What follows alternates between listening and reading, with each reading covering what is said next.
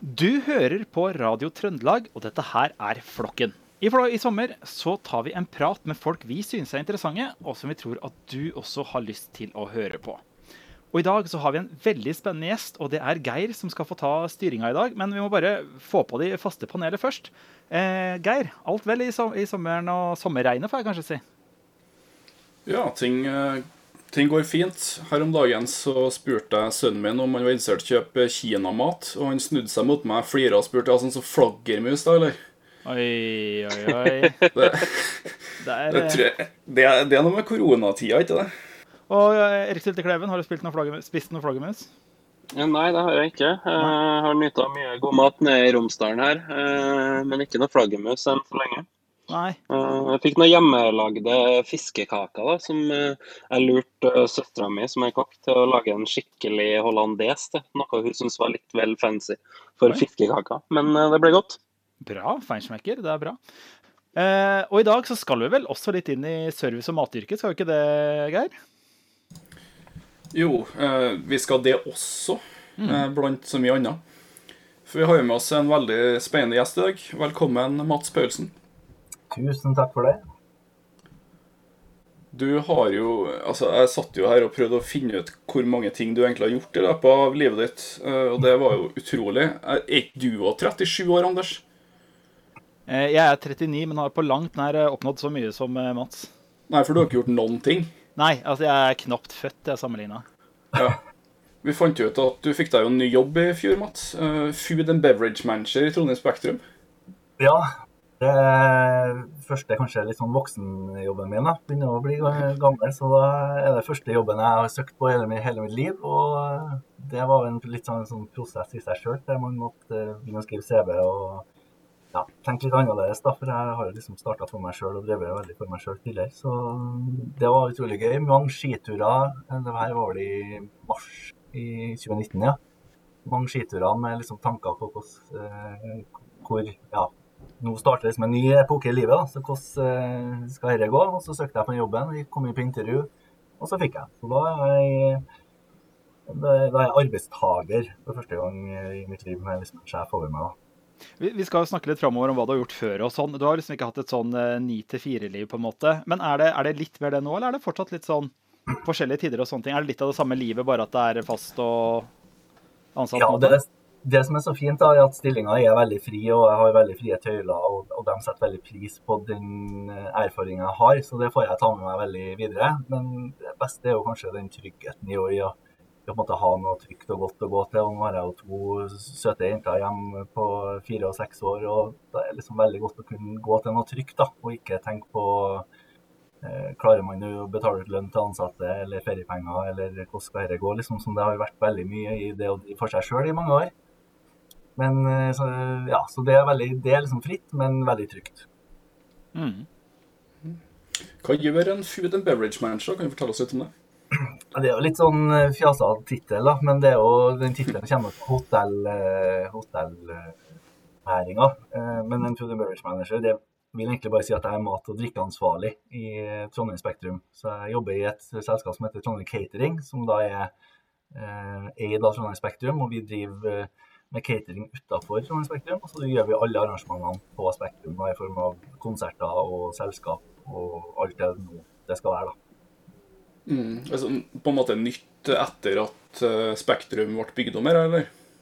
Ja, det der er et gammelt cateringselskap, men Spektrum kjøpte det. Så ble jeg ansatt som food and beverage manager. eh, Og da sitter man jo på, på hele verdikjeden på huset, da. Så vi kan jo Igjen så står jeg veldig sånn fritt til å dra det her til den retningen jeg vil. Så siden jeg har begynt nå, så har vi liksom ja, kanskje kommet oss litt ut av den her tradisjonelle catering-biten, som er veldig sånn eh, mange forbinder med 90-tallet, der det er aspik og eh, rekecocktail. Si, og liksom, men ja, og dra det et lite steg videre. Så bare liksom fått inn litt mer moderne meny. Eh, og så har jeg jo litt erfaring tidligere fra å levere på store altså mat for store forsamlinger på festivaler og sånn. Og det får man jo her da, når man får samla 10 000-12 000 folk på en konsert, eller om det er et show eller en musical eller hva det er, så skal jo alle dem gjerne slippe å stå lenge i ølkø og ja, få servert ting, eh, riktige ting eh, kjapt. da. Ja, for du var for eksempel, da, du drev for eksempel servert under, eller altså sto for deg under Grease, for eksempel, da, som var da 29. februar, var det ikke det? Stemmer det. Ja. Mm. Mm. Og, og, og, og, sånn som vet du for noe, EM, VM, eller er det da andre aktører som kommer inn som styres av noe forbund eller noe sånt? Eller er det fortsatt dere? nei, det er også, også alt det som foregår på Spektrum, er vi, vi som styrer mat og drikken på. Da. Så det, nå hadde vi håndball-EM i januar. Ja. Så det, det er veldig fint at det er så mye variert. Det er liksom alt fra rockekonserter til Melodi Grand Prix og håndball-EM. Eh, Så det og det er det jeg liker litt, at det er så mye forskjellig. Så man må også Du kan ikke bare åpne en bar og en kiosk. Du må, eller vi har iallfall valgt å være veldig fleksible. Da. Bygge sånn som på Grease. Når det var Grease, så bygde vi en egen Grease-restaurant der du kunne komme og spise før showet. Ja, stemmer det. Eh, Ja. Ja. Mm. ja. Så du tilpasser litt konseptene ut ifra hva som foregår på huset. Mm. Og det er kult. Jeg var jo der på Dream Theater-konsert òg, og det Altså, Det viser kanskje litt spennet i det her, òg. som du sier, alt fra håndball-EM til metallkonserter til ja, Ja. musicaloppsetninger. Det er veldig fin eh, altså, da Vi har jo hatt med fagfolk her når den eh, nye hallen har blitt bygd. sånn at eh, Den nye storhallen i Trondheim Spektrum er jo laga det, det er jo først og fremst en idrettshall, men det er tatt veldig mye hensyn til lyden. og sånn, Så det er veldig bra lyd og en god hall for konserter også. Så det der vil nok være en veldig sterk arena for store konserter nå i, i mange år framover. Fikk du sett Jonas Skybakmoen på scenen i Grease? Rakk du å stikke innom eh, hallen? Jeg var inn bare liksom kjapt. Jeg kjenner hun Mari eh, Ja. ganske godt. Så jeg var liksom inn bare for å prøve å se, men eh, det er ganske travelt. Vi har jo 160-70 ansatte i sving eh, på en sånn her kveld, så det er ganske ja, ganske travelt, for å si det mildt. sagt. Jeg, ja, jeg er jo eh, anmelder for Adressa, blant annet, og da anmeldte jeg Grease, og både Mari og Jonas strålte jo på scenen. Det var jo så gøy Ja. å se dem. Ja, det var Ja, jo, Jo- Jonas òg, når han bare kjørte på med rocken sin. Det var så gøy. Ja. Ja, det er bra. Mhm. Men du nevnte jo at dette er på en måte den første sånn ordentlige jobben din. Men den CV-en din er jo ganske imponerende, syns jeg. Den starter vel allerede i 1999, tror jeg det første jeg fant. Og da var du 16 år, kan det stemme? Det stemmer nok, det, ja. Og da starta du i bandet Torch. Mm. Det var jo jeg og et par kompiser som, som starta Torch.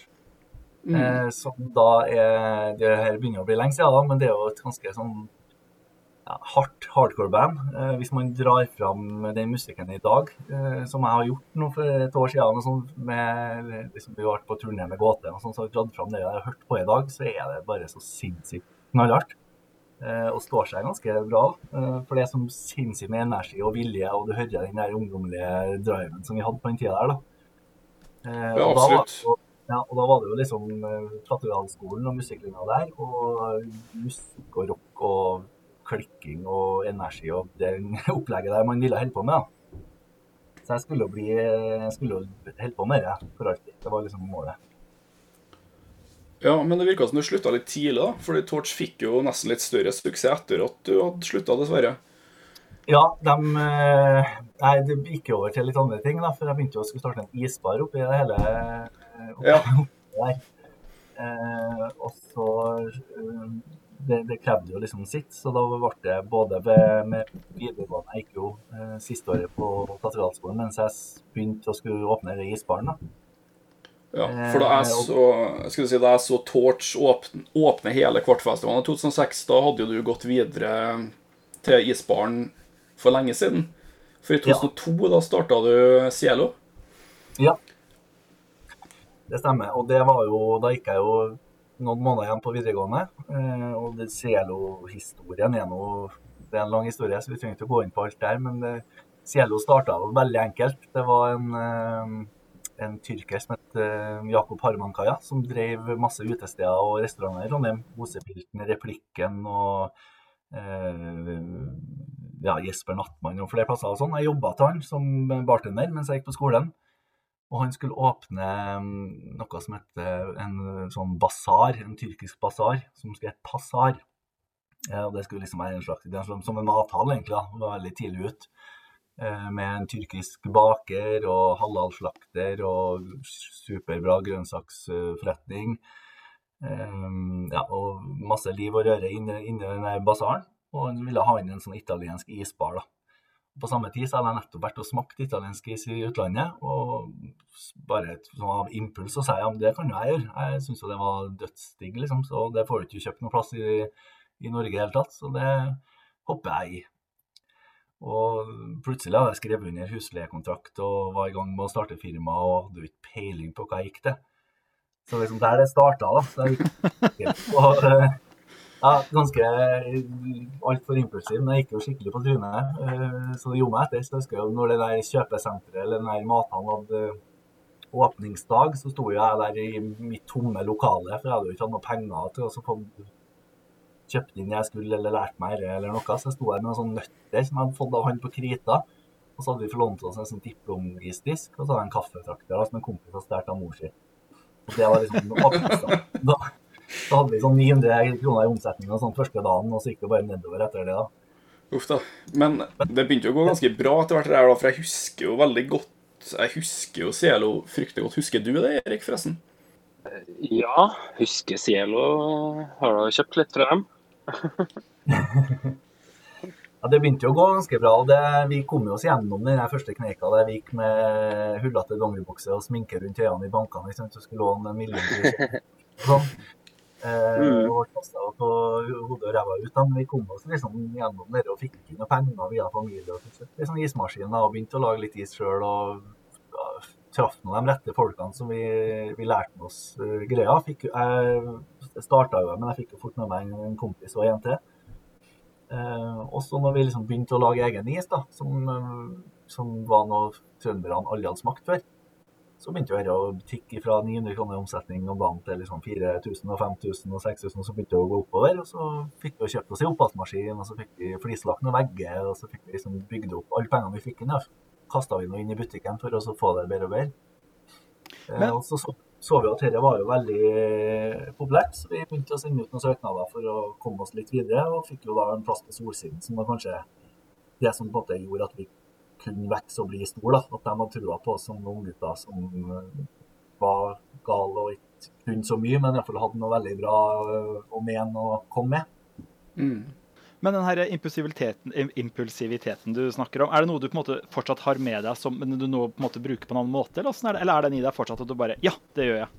Ja, det har jeg, det, det har jeg i meg, så det gjorde meg etter. Så det, det er jo på en måte en styrke og en svakhet på en gang. Så, og som nå når jeg og kona sitter og vi er liksom dårlige, vi, vi tenkte vi skulle ha hjemmeferie i år, da. Og sitte og fikse et hjem og spare litt penger og ikke reise noen plass. Og så nå er det så dårlig vær. Ja. Så jeg jeg jo hun har stoppa meg, selvfølgelig, men det er jo like før jeg har bestilt både bobil og Danmark. Og alt er på en kveld etter noen glass hvitvin. Liksom. Så jeg er veldig sånn på ting som jeg tror på. Og så kommer hun og så spør han noen spørsmål, og så å ja, OK, ja faen, det tenkte jeg på. Så det, noen ganger så lykkes man jo godt med det, da, men samtidig så går man jo mye på snørra ved å være litt for impulsiv noen ganger. Men åssen kraft er det å ha i musikken? Vi har, Geir har jo snakka nå om Torch og så videre. Eh, hvordan, er den, hvordan er den kraften å ta med seg inn i musikken?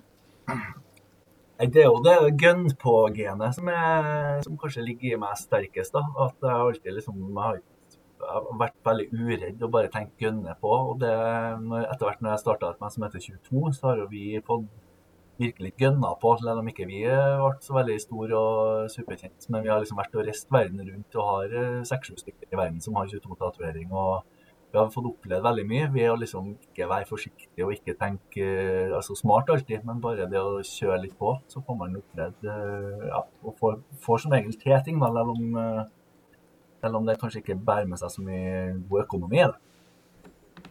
Ja, for det var selvfølgelig ikke nok å starte uh, Cielo, som alle i Trondheim vet hvem er, eller være med i Torch, som som sagt åpna Kvartfestivalen. For i 2008 så startet det også 22. Eh, og det er jo Jeg starta jo Cielo når jeg var 17-18 år, og drev jo det altså etter vi kanskje kom oss over den kneika der alt der vi ikke tjente kroner og alt var bare dritvanskelig, men så begynte det liksom å rulle litt og bli bra.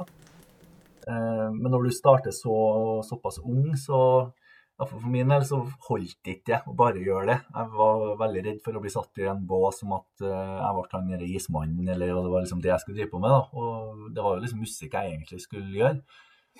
Eh, så derfor så, eh, så etter, etter gåte Jeg var jo med gåte noen runder, var med som liksom tekniker. eh, og Jobba litt sånn på si med det, både med gåte og andre band òg. Jeg var faktisk med han Pål Paul Waktor i a-ha. Var med han med Savoy som vikar på én konsert. Og Det er- det er imponerende, noe det er imponerende, Ja, ja. men jeg fucka opp noe sinnssykt. Så bare, de hadde sånn uh, reunion-konsert på Savoy. Og jeg ble kasta inn i og ingenting fungerte av gitarverdenen hans den dagen. For at jeg satt bak der og svetta og skalv. ja. Men iallfall, jeg, jeg kjente jo det Gåte-gjengen veldig bra. Og Magnus, som spiller gitar i Gåte, var jo en av bestekompisene mine. Så når Gåte ga seg, så, så hadde vi alltid snakka om at vi skulle starte et band sammen. da som bare laga artige ting og ikke og som var helt sånn kompromilløst i forhold til det vi hadde lyst til å gjøre. Eh, og da starta vi i 22, og det ble liksom på sida av isbarkarrieren igjen. Så, så isbaren din fortsatte nå, og jeg jobba nå litt der òg. Så var det liksom det å prøve å få til noe med bandet utenom, da. Og vi var jo et veldig sånn konseptuelt band der 22 skulle fram, og, og musikken skulle fram, og vi skulle liksom få fram det budskapet med det tallet og sånn. Så vi var jo vi kjørte en turné i Norge blant annet, der vi kjørte 22 konserter på 22 dager. Der turneruta var forma som et totall på norgeskartet. og det er ganske, Han som booka den uh, turneen, var ganske dyktig. da.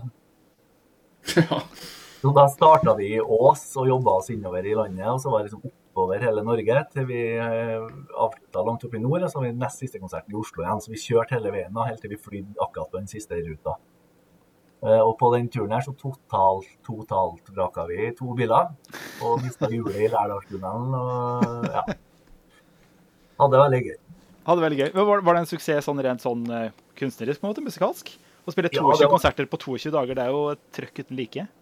Det var det, og vi spilte helt sinnssykt mye på den tida. Vi var ute hele tida og spilte på de minste stedene. så Vi ville bare spille. så vi var jo Det var kanskje sånn vi liksom kom oss opp til et, på et greit nivå ganske tidlig. Eh, Vi spilte og vi spilte og vi spilte, og så merka vi at eh, OK, vi fikk nå en ny fan i, Askøy og en ny fan i Tromsdalen, liksom.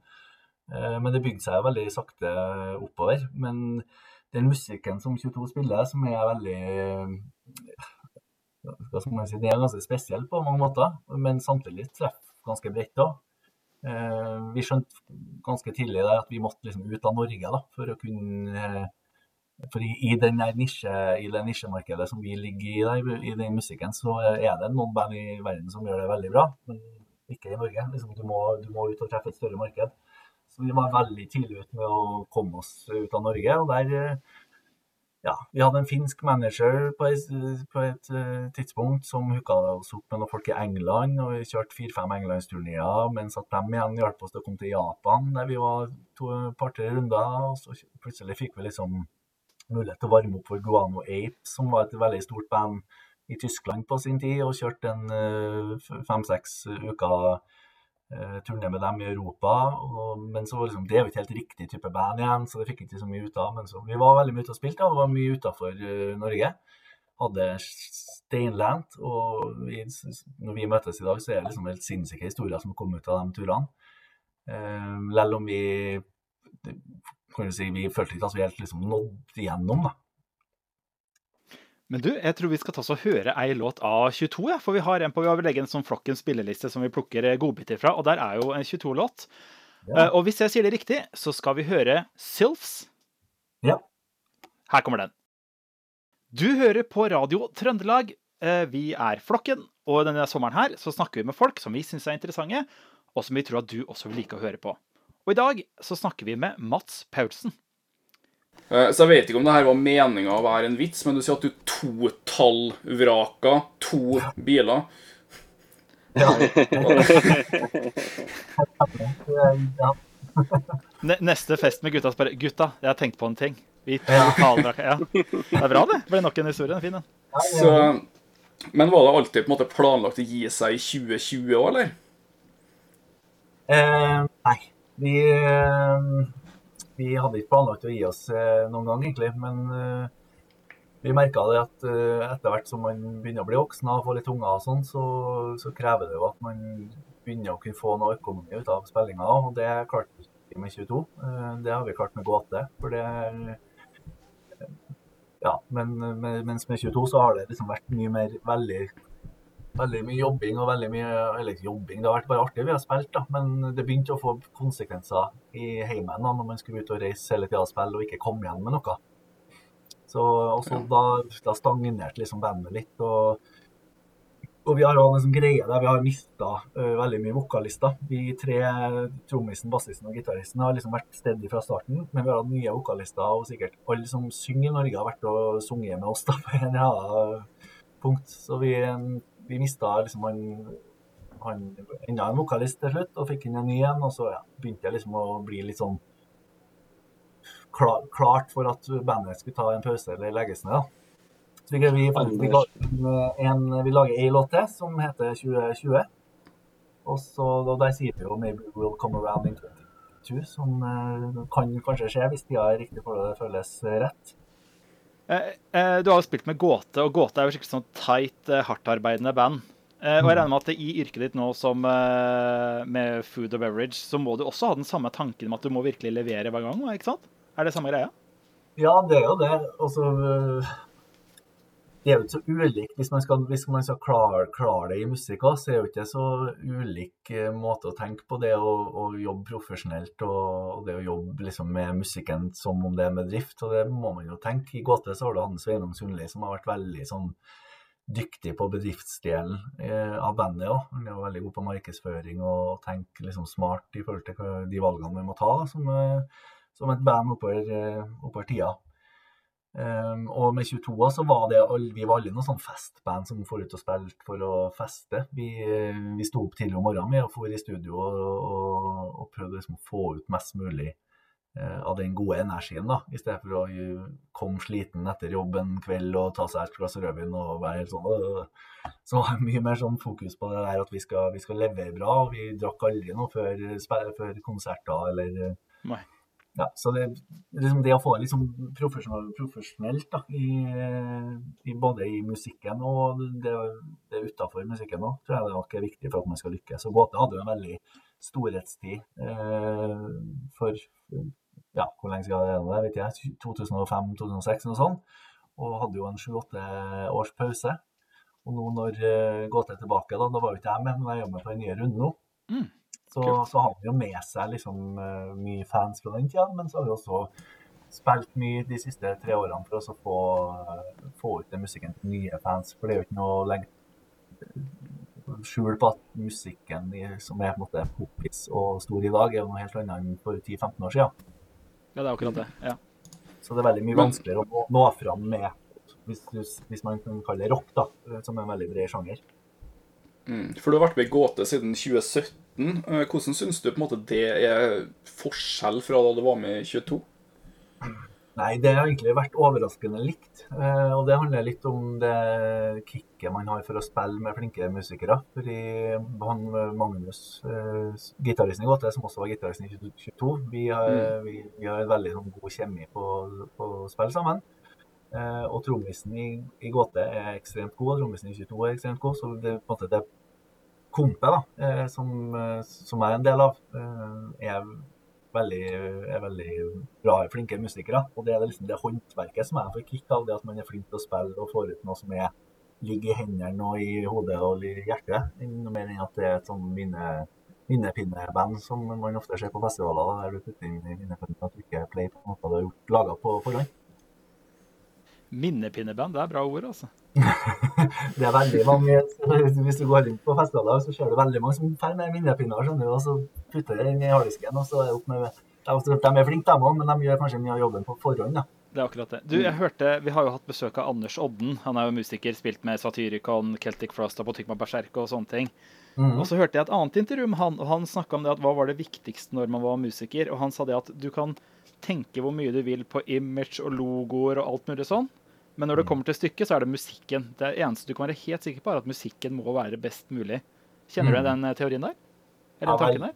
Og, og det også musikk i seg sjøl er, er så spennende. og det, Vi ga ut en låt som heter 'You Are Creating' med 22, som handler om at uh, det er jo ikke vi som musikere som på en måte, For å sette det litt på spissen, så er det ikke vi som lager musikken. Det er jo lytteren, eh, lytteren som lager musikken for seg sjøl, ut ifra det den har opplevd, og de minnene den har, og det, det den sitter med.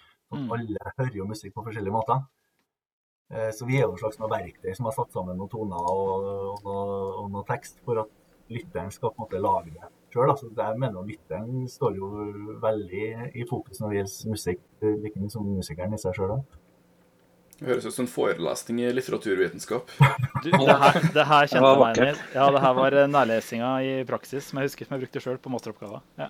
Men da fikk jeg lyst til å trekke noen linjer mot catering. Først og fremst, hva er cateringens svar på minnepinneband? Egon. Nei, det er ikke lov å si. Han sa ikke det høyt. Nei, den var vanskelig, altså. Og det, ja, det har ikke jeg Men- noe svar med en gang. Det er bra. Ja, og eh, det er jo litt sånn med mat også, at du skaper noen ting, og så er det jo opp til dem som skal spise maten også, å oppleve den. Og skapes i samspill med den som skal oppleve den. Opplevelse, rett og slett. Veldig, veldig sant. Mm. Og, og det er jo veldig mye likhetstrekk. Eh, Du kan si De to tingene jeg holder på med hele livet, er jo mat og musikk. Og det er veldig mye likhetstrekk der i form av liksom, det jeg kjenner inni meg. Det med lidenskap og det med følelser og, og ja, hva det gjør med kroppen. da. Så jeg er jo veldig sånn livsnyter. Jeg setter jo veldig pris på å få, få, få gode ting inni meg. Om det er ting jeg hører, eller om det er ting jeg spiser eller drikker. eller så øh, jeg er veldig opptatt av at man skal kose seg og ha det bra. Og det kjenner jeg veldig godt i disse koronatider. da, Der jeg bare baker brød og lager gode middager og drikker vin og legger på meg et kilo om dagen sikkert. Det er vel flere som kjenner seg igjen i den. Ja, Men jeg jeg har fått meg- jeg meg en ny hobby, da, så jeg har begynt med sånn discgolf, sånn frisbeegolf, eh, som veldig mange andre har begynt med. Jeg har ikke kjøpt meg sånn, eh, ikke kjøpt meg sånn hengekøye, som veldig mange har gjort, men jeg har begynt med frisbeegolf. Så jeg får rørt meg litt da, her ute og kaster frisbee om dagene og kaster liksom 70 meter og går 70 meter og kaster 70 meter og går 70 meter. Så jeg får beveget kroppen litt, og det er bra. Eh, Men du, vi må litt tilbake til mat igjen. Fordi Mm. i 2010 så var du med på Masterchef. Ja. Det er første og eneste sesongen med Masterchef i Norge for eh, amatører. Det har vært noen sesonger senere som har vært for kjendiser og sånne profesjonelle. Så jeg slengte meg med på audition der, for jeg, da hadde jeg jo liksom drevet så mange år med is og etter hvert sjokolade. Så på Iselo så bygde jo også en sjokoladefabrikk i 2006, så liksom man drev med det søte, da, men var veldig matinteressert. Og da ble det liksom noen tilfeldigheter som gjorde at jeg søkte bare for å være med på audition der, for å egentlig bare å være, liksom sulten på å lære litt og se litt hvor, hvor er jeg hen. Jeg var jo ikke noe flink til å lage mat, men jeg hadde nå en interesse for det. Jeg var med på audition på Rika Nidelven, og så kom jeg videre til Oslo. Så av 100 der, så ble jeg liksom av de eh, tidene som programmet skulle følge. da, måtte jo flytte inn på et hus på Holmenkollen, og var jo i Oslo i tre, to og en halv, tre måneder og sånn. Hadde pakka med meg én bokser og et par sokker og ei T-skjorte. Jeg fikk ikke til å reise hjem ellers, så det var. Og så Nei, for jeg du trodde du skulle ut. skulle, trodde du skulle rykket ut med en gang, eller? Ja, jeg eller hadde ikke noe tro på at jeg skulle komme blant topp ti liksom, og være med på, på selve sendingene. da. Men det var jo, fikk jeg være med, og det var veldig kult. Og da filma vi jo to episoder i uka. Um, også ellers så hadde vi en del fri, og så ble vi også utplassert på restauranter. Jeg jobba på en ganske fin restaurant i Oslo to, kveld, eller to dager i uka, da, så man også fikk liksom lært og og fikk litt progresjon, progresjon under eh, programmet også. Og etter to og en halv måned så ble jeg med på, kom jeg til finalen. Så hadde reiste vi til Lyon. Så var jo vi eh, fire i finalen der, da. Jeg vant ikke, da, men det ble eh, delt andreplass. Hva lærte du sånn alt i alt? Altså ikke bare rent sånn der med mat og ingredienser, men hva lærte du av en sånn, et sånt eventyr og opplevelse som masterchef? Én ting er liksom produksjonen og det, den TV-biten av det. Eh, vi, det som var veldig kult med Masterchef, var at konkurransene var ekte. Så det var noe sånn mystery box, eksempel, der du har 30 minutter til å lage en god rett av råvarer du ikke kan se før de åpner denne boksen. da. Eh, Og da har du 30 minutter. Det var ikke noe juksing sånn sett. Eh, Og så hadde de også sånn masterclass av de dommerne som var med. Så det var jo Jan Vardøen og Tom Viktor Gausdal og Eivind Hellstrøm. Så de hadde hver sine masterklasser der de eh, lærte oss litt ting underveis. Og så, så liksom ble jeg fort vant til å ha TV et kamera oppi, oppi mens du lager mat, for det syns jo ganske mange er litt sånn skummelt. Det er jo noe annet når du kan stå igjen på kjøkkenbenken sjøl og kose deg og ha god tid. Så jeg tok fort den der liksom konkurransebiten. Og så ja, lærte man jo bare Plukka jo opp det som var, og lærte jo kanskje ikke dritmye, men nok til at jeg følte meg veldig mye bedre etter tre måneder enn når jeg begynte. ja. Den der mystery-boksen høres jo veldig ut som uh, matens MacGyver, på en måte. Det, det er litt sånn, ja. Du må finne noen løsninger noen ganger. ja. Og det var det her som gjorde at du følte at du kunne starte sandwichbutikk i 2016 òg, eller? Ja, på en måte. Iallfall etter jeg har fått den matbakgrunnen og en ting, altså, Jeg fikk jo litt sånn bra PR ut av å være med på Masterchef. Så jeg jobba jo i noen år i NRK som en sånn, hadde sånn matspalte på Brunsj som gikk hver søndag. Eh, og jeg starta litt som masterchef òg, der eh, jeg sto egentlig på et bitte lite kjøkken og fikk tildelt noen råvarer av programlederne, og så skal jeg lage noen greier ut av det. da. Eh, så gikk det liksom fra det til at jeg begynte virkelig å lage noen kule oppskrifter og eh, litt ordentlige retter som også ble lagt lagt ut oppskrifter på nrk.no. Eh, så det var kult. Og så jobba jeg som restaurantanmelder i Adresseavisa i mange år. Jeg var ute og anmeldte sammen med en kollega ute i Trondheim. Det syns jeg er en veldig spennende og givende jobb. Eh, og så glemte jeg hva du spurte om opprinnelig. jeg kan komme tilbake til litt senere. Fordi jeg må jo bare spørre. Du, du, sier at du jobber som restaurantanmelder og adressa. Anders jobber som humoranmelder. Mm. Er det Hva vil du si om en sånn anmelderjobb? Er det sånn at du, du føler at du kan gå inn og slakte ting helt, eller er du stort sett ganske positiv til de stedene du Altså, man har jo Vi anmeldte jo bare i Trondheim, og Trondheim er jo liksom byen vår. Så vi hadde jo ikke lyst til å slakte noen. Eh, og jeg syns ikke vi slakta noen. Vi, veldig, vi skrev veldig altså, Det blitt feil å si positiv, men altså var det dårlig, så var det dårlig. Men da eh, var det veldig dårlig, så ga vi alltid en sjanse til. da. Så hvis det var liksom terningkast to, så skrev vi saken før vi ga det litt tid og for tilbake. For at alle kan ha en dårlig dag. Kjempebra. Ja. Eh, mens eh, de fleste jo, var jo bra. Så at, uh, det var veldig mange eh, firere, femmere og seksere som var slengt ut for gode restaurantopplevelser. Og det var også veldig mange bra av de man kanskje ikke tenker er de beste. Men altså si Credo, da, som alltid har vært en veldig bra restaurant, fikk terningkast seks når vi var der for første gang. Men en vanlig eh, meksikansk restaurant som er veldig mye billigere, eh, men også lager ekstremt god mat, kan også fått en sekser. Eh, husker ikke om de gjorde det eller ikke, men det var ikke sånn at det var bare det fancy som fikk bra. Vi var veldig sånn sånn i forhold til hvordan prisnivået var og sånn. Og så er det jo selvfølgelig en eller to restauranter som virkelig er dårlige, og da tester man det en gang til. Og så er det like dårlig da, så blir det jo litt slakt. Og det mm. uh, Ja, jeg har jo Ja, jeg vet ikke om jeg skal si det, men jeg, jeg slakta jo Egon. Var det, du, var det du som ga toeren? Ja, som ga to til Egon. Og så hadde eh, Norem-gruppen, som, som, som, eier Egon, de hadde Valmannsshow oppe i Prinsen. Og vi var også anmeldt det, for det var liksom treretters med Valmannsshow, sånn uh, musical-show-opplegg. da. Ja. Det var så latterlig dårlig mat. da. Så vi var sånn, Det ble superslakt.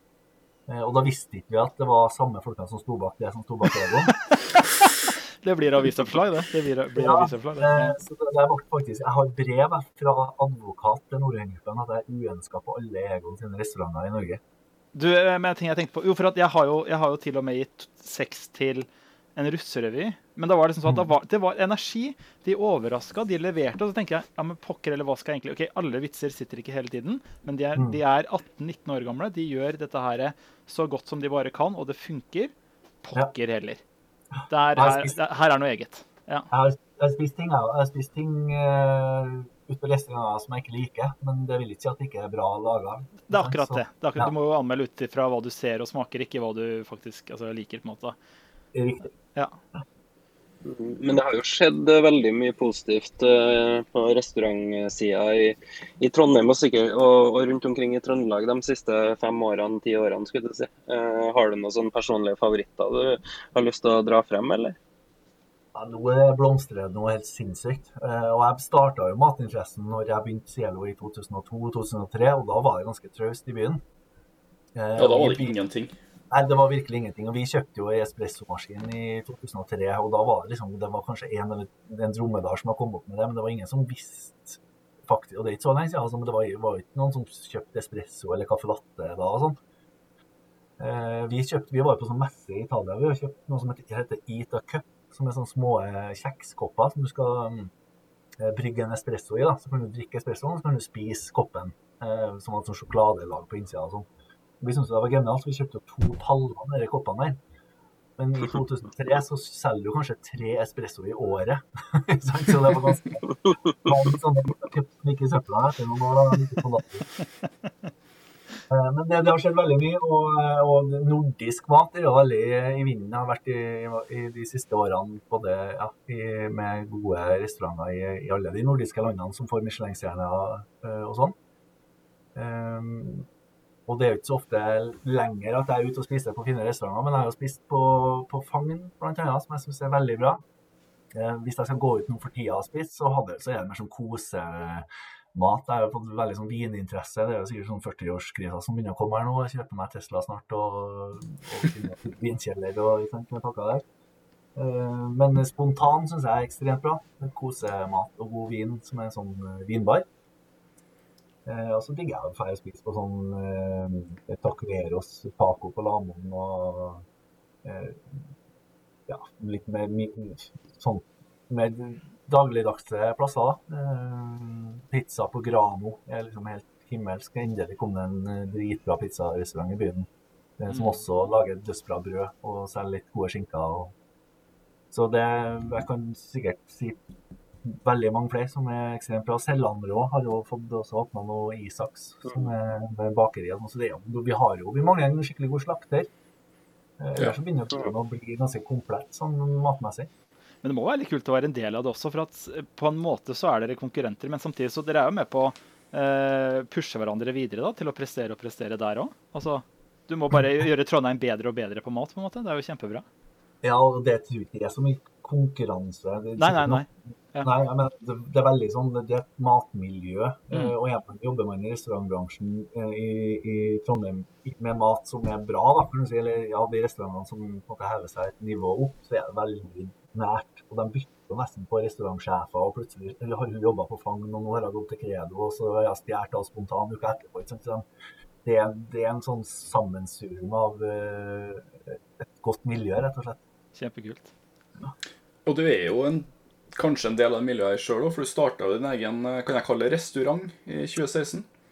Ja, det ble jo kanskje vi Det skulle jo ikke bli det, men det var jo mer tenkt som en sånn fastfood-sjappe. Meldt som skulle være som ei ostesmultre i- fastfood, da, men laga bra. Eh, og det var jo Jonas Nåvik som nå driver Fagn, og en som heter Kim Assersson, som fortsatt driver Meldt i Oslo, eh, og meg. Og de hadde noe som het Home Dining, og et veldig kult konsept der de inviterte eller der du kan bestille i bord da, hjem i stua deres. De bodde i en liten leilighet på Møllenberg. Og det var maks åtte eller ti gjester, eh, for det var det de fikk plass til. Og så laga de 20-retters måltid, liksom. Eh, Men du fikk, du fikk ta med vin sjøl, siden de ikke hadde noen sånn skjenkebevilgning og sånn. De sendte ut vinanbefalinger på forhånd. Og da var jeg på sånn home dining, og når de var ferdige og hadde servert uh, desserten, så hadde vi nachspiel og kosa oss. Og da liksom kom ideen helt opp at uh, da savna vi noen sånn enkle, kjappe lunsjplasser i Trondheim. Der du fikk kjøpt deg veldig kjapp lunsj à la Burger King, bare at det er litt over, mer kvalitet over maten. Eh, og ostesmør er jo noe alle har et forhold til, og som, er, som de fleste liker. Så vi ville liksom lage grilled cheese med digge oster og masse digg pålegg og gode fyll som man lager litt fra grunnen av sjøl. Oh. Ja, jeg tror ikke jeg skal si hvor mange ganger jeg var innom den vogna på Trondheim Rocks i fjor. Eh, For å fortsette. Ja. For å gå gjennom det der, eh, det der eh, og den overgangen, da. For jeg, var, jeg har jo vært gründer i 18 år. Eh, og den overgangen fra å liksom gjøre det til å gå eh, i en fast stilling eh, som en voksenjobb, som jeg kaller det. Da var jeg jo faktisk altså Vi hadde jo starta meldt vi hadde jo meldt på Østbanehallen i Oslo, vi hadde starta meldt på Sankthanshaugen i Oslo, vi hadde starta meldt på, på bygd i Torgata, vi hadde en foodtrucken, vi hadde to melter i Trondheim. så det var vi hadde liksom kjørt på veldig. da. Jeg var jo rest hele tida. Jeg var rest, tok siste flyet til Oslo på søndagskveld, og så kom jeg hjem fredagskveld og var med ungene på lørdag, og så var jeg ned igjen på søndag. Og jobba 14 timer i døgnet og skulle liksom få til det her, da. Uh, og så sikkert for at vi var litt udyktige, men jeg føler jeg var litt uflaks, så fikk vi liksom ikke noe sving over det. Og da sa det bare stopp på et uh, på, liksom Kom til et punkt der det bare nå jeg kjenner jeg at min, mine 18 år som gründer er over. da. Så jeg var jo faktisk Jeg tror jeg leverte oppbud på 11-12 uh, firma da, innen tre samme månedene. Så det er ganske sånn tung tid, det å skulle liksom kvitte seg med alt og bare Nå legger vi ned, nå er vi ferdig med det. nå Nytt rettsmøte med, nytt, med ny konkurs. Eh, så tok jeg inn alt det på tre måneder, så var jeg liksom rett i ny jobb og kunne se litt framover, da. Ligger gründeren i deg fortsatt? Ja, det tror jeg nok, men eh, jeg tror det er ganske lenge til jeg eventuelt eh, starter noe nytt sjøl. Mm. Godt å være på en måte ansatt ved, altså, i Trondheim Catering og Trondheim Spektrum? Ja, det er veldig godt. Det er en jobb som passer meg bra, og så passer meg bra til det jeg er i livet i dag og sikkert mange år framover. Så ja. kommer det alltid en ny epoke en gang, og den eh, ønsker jeg velkommen. Men eh, akkurat nå så har jeg veldig bra det. Men, eh, men, Mats, nå er du altså ansatt på, i Trondheim Catering og er på Trondheim Spektrum. Men hvordan har denne, de siste månedene vært? For som sagt, eh, du hadde jo håndball-EM, og så har du Grease, mm. og så stenges alt.